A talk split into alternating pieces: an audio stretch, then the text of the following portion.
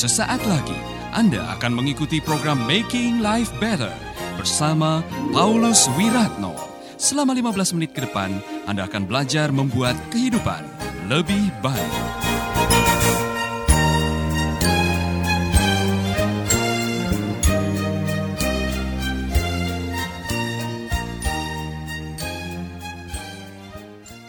Saudara akan menemukan satu kisah bagaimana Rasul Paulus menjabarkan betapa pentingnya mengawasi motivasi waktu memberitakan Injil.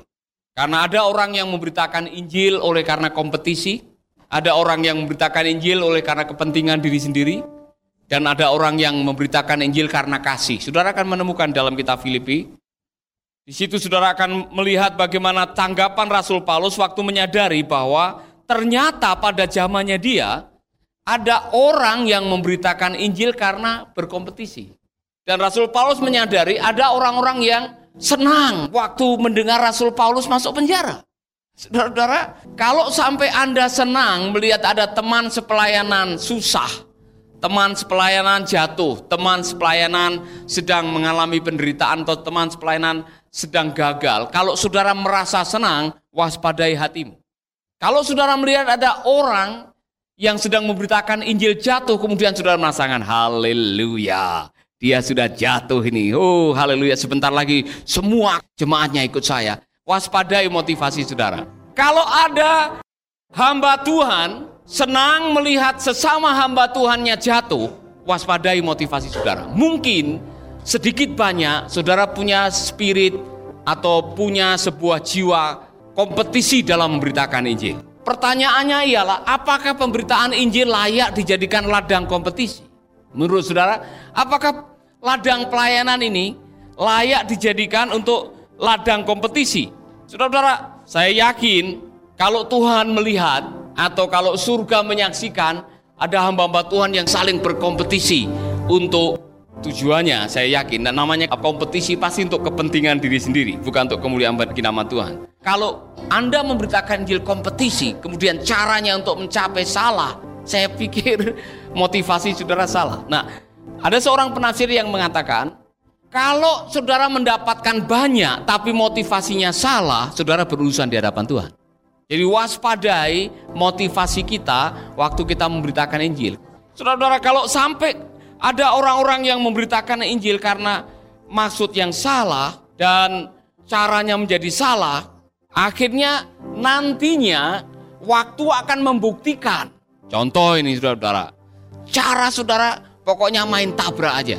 Misalkan ini kan ada orang pokoknya gereja saya besar. Kau buka gereja di dekat SPPT ini. Kemudian tiap hari saudara mendatangi anak-anak SPPT, ayo besok minggu ibadah di tempat saya. Oh besar tiba-tiba. Kemudian gereja-gereja lain bergabung dengan saudara besar. Pertanyaan ialah, kenapa saudara menghalalkan segala macam cara dengan cara mengunjungi jemaat orang lain misalkan atau merebut jemaat orang lain atau menggosipkan pendetanya supaya saudara datang atau saudara menggunakan cara-cara yang tidak fair dalam pelayanan. Dengar baik-baik suatu saat waktu akan membuktikan bahwa apa yang dimulai dengan yang salah yang namanya motivasi salah pasti biasanya cara mendapatkannya salah. Kalau cara mendapatkannya salah pada akhirnya suatu saat motivasi saudara akan diuji oleh Tuhan waspadalah. Mari kita akan membaca ini. Filipi pasal yang pertama, mungkin ayat yang ke-12. Saya mau kalian mengetahui bahwa hal-hal yang telah terjadi pada saya justru menyebabkan lebih banyak orang mendengar dan percaya akan kabar baik itu. Akibatnya, semua pengawal istana dan orang-orang lainnya di kota itu tahu bahwa saya dipenjarakan karena saya melayani Kristus. Dan pemenjaraan saya telah menyebabkan kebanyakan dari orang-orang Kristen di kota ini menjadi lebih yakin lagi akan Tuhan. Sehingga mereka makin berani mengabarkan pesan Allah dengan tidak takut-takut. Memang ada beberapa di antara mereka yang memberitakan Kristus karena iri hati dan mau bertengkar. Saudara kenapa iri? Waspada ini. Bersihkan dirimu karena kita semua termasuk saya, kita semua yang namanya hamba Tuhan, kita bisa jatuh dalam perangkap iri hati. Maka untuk membebaskan iri hati nanti, Kalau Anda melihat ada orang lebih dipakai Tuhan, salami dia. Saya senang loh kamu dipakai oleh Tuhan. Saya senang mendengar kabar pelayanan kamu. Amin. Kalau ada teman kamu ada di Facebook lagi melayani, kemudian dipakai Tuhan, banyak mujizat, harusnya saudara menyampaikan salam dan ucapan. Puji Tuhan, saya senang kamu dipakai Tuhan gitu, ya kan? Jangan malah saudara cari kelemahannya karena saudara takut kelebihan orang lain. Jadi orang iri itu kan dia tidak siap menerima kelebihan orang lain. Maka belajarlah menerima kelebihan orang lain. Misalkan ini, kalau ada pendeta yang bagus khotbah di tempat saudara, ya kan? Kemudian jemaatnya datang. Ini contoh ini. Wah, luar biasa loh. Saya diberkati oleh khotbahmu. Ya, terima kasih ya sudah khotbah di tempat saya ya. Haleluya. Kemudian ya kan, eh tadi loh, bagus pengkhotbahnya. Nah, orang yang tidak siap menerima kelebihan orang lain selalu akan mencari kelemahan orang itu. Oh, Pak, waspada dengan dia. Anaknya hamil di luar nikah, Pak. Apa urusannya anak hamil di luar nikah? Dia dipakai Tuhan. Ah, itu cetek khotbahnya cetek.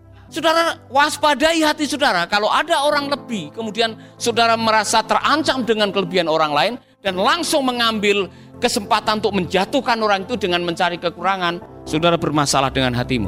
Waspadalah. Amin. Anda masih bersama Paulus Wiratno di Making Life Better.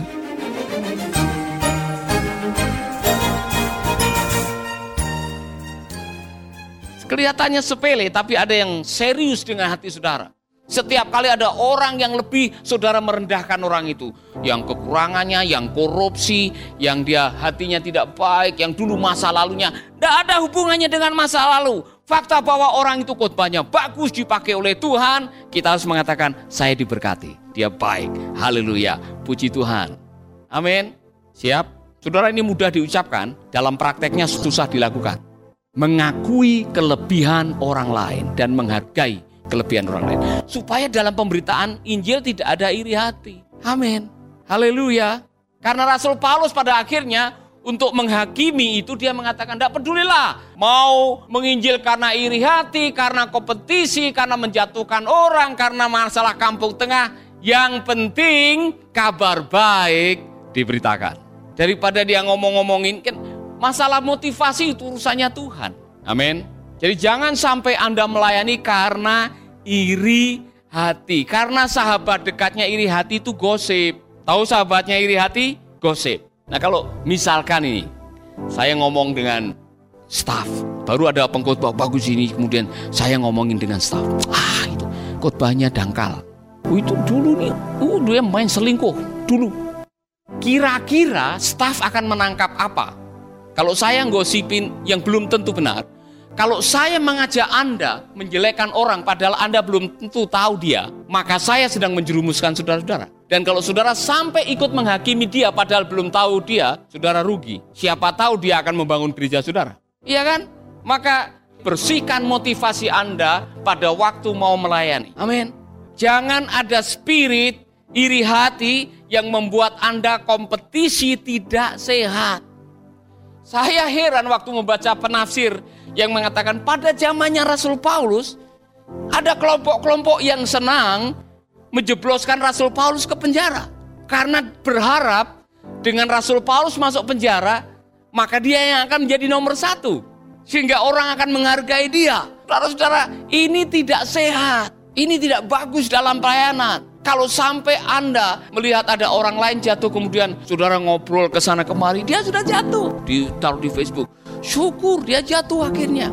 Puji Tuhan hamba Tuhan ini sudah jatuh. Haleluya. Tidak boleh. Datangi dia tegur, ingatkan dia, doakan. Haleluya. Amin. Jangan seperti waktu saya ada di Surabaya. Saya khotbah di sebuah gereja yang cukup besar.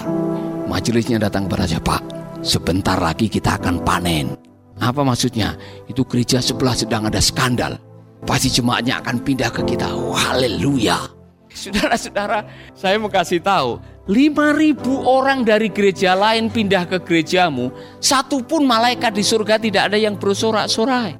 Yang bersorak-sorai bendahara sama gembala sidangnya. Perpuluhannya masuk semua. Tetapi kalau satu jiwa bertobat di dalam gerejamu, malaikat di surga bersorak-sorai. Waspadalah saya dan kita semua waspadai motivasi kita. Amin. Yang paling tahu siapa mengenai motivasi saudara? Coba, yang paling tahu hati saudara, motivasi hati saudara siapa? Hatimu tuh licik, kata firman Tuhan. Saking liciknya kadang-kadang kita ketipu. Iya kan? Jadi yang paling tahu adalah Tuhan mengenai motivasi saudara. Karena kadang-kadang kita datang ke gereja atas nama pelayanan, kesannya rohani sekali. Haleluya.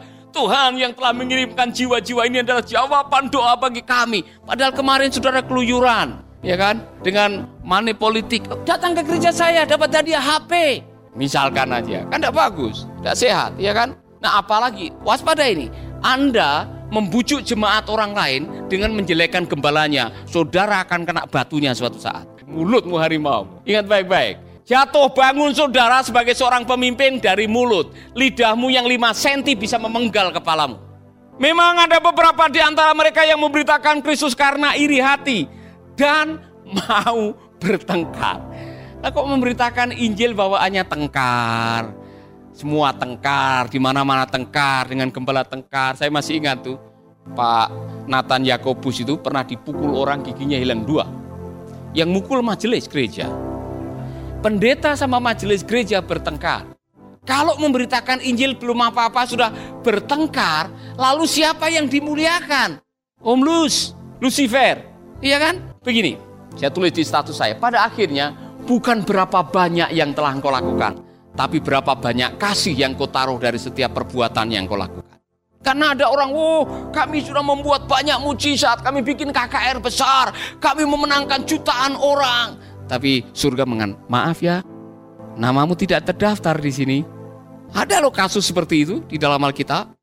Jadi jangan demi besar, demi banyak, demi kepentingan, ego, demi iri hati demi mendongkrak jati diri saudara menghalalkan segala macam cara karena surga punya tim komisi pemberantasan kurang ajar.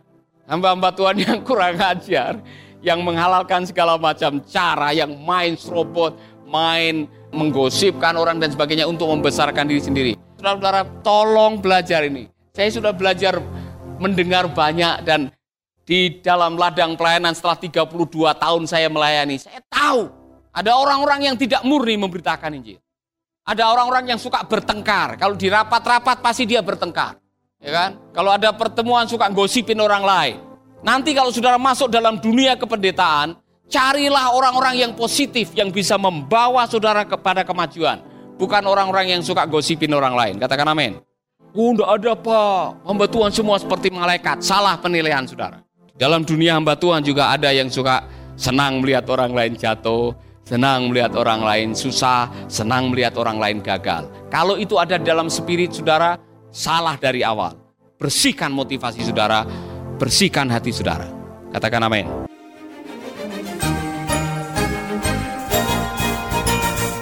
Baru saja Anda mendengarkan Making Life Better bersama Paulus Wiratno. Jika Anda diberkati, kirimkan kesaksian Anda ke Radio Dian Mandiri Jalan Intan LC2 Gang 4 Nomor 1 Denpasar, Bali. Kunjungi website kami di www.pauluswiratno.org, Facebook Paulus Wiratno. Hubungi kami di 081 338 665500. Sekali lagi 081 338 665500. Terima kasih, Tuhan memberkati. Sahabat, Anda baru saja mengikuti program Making Life Better bersama Paulus Wiratno. Terima kasih atas kebersamaan Anda. Tuhan memberkati.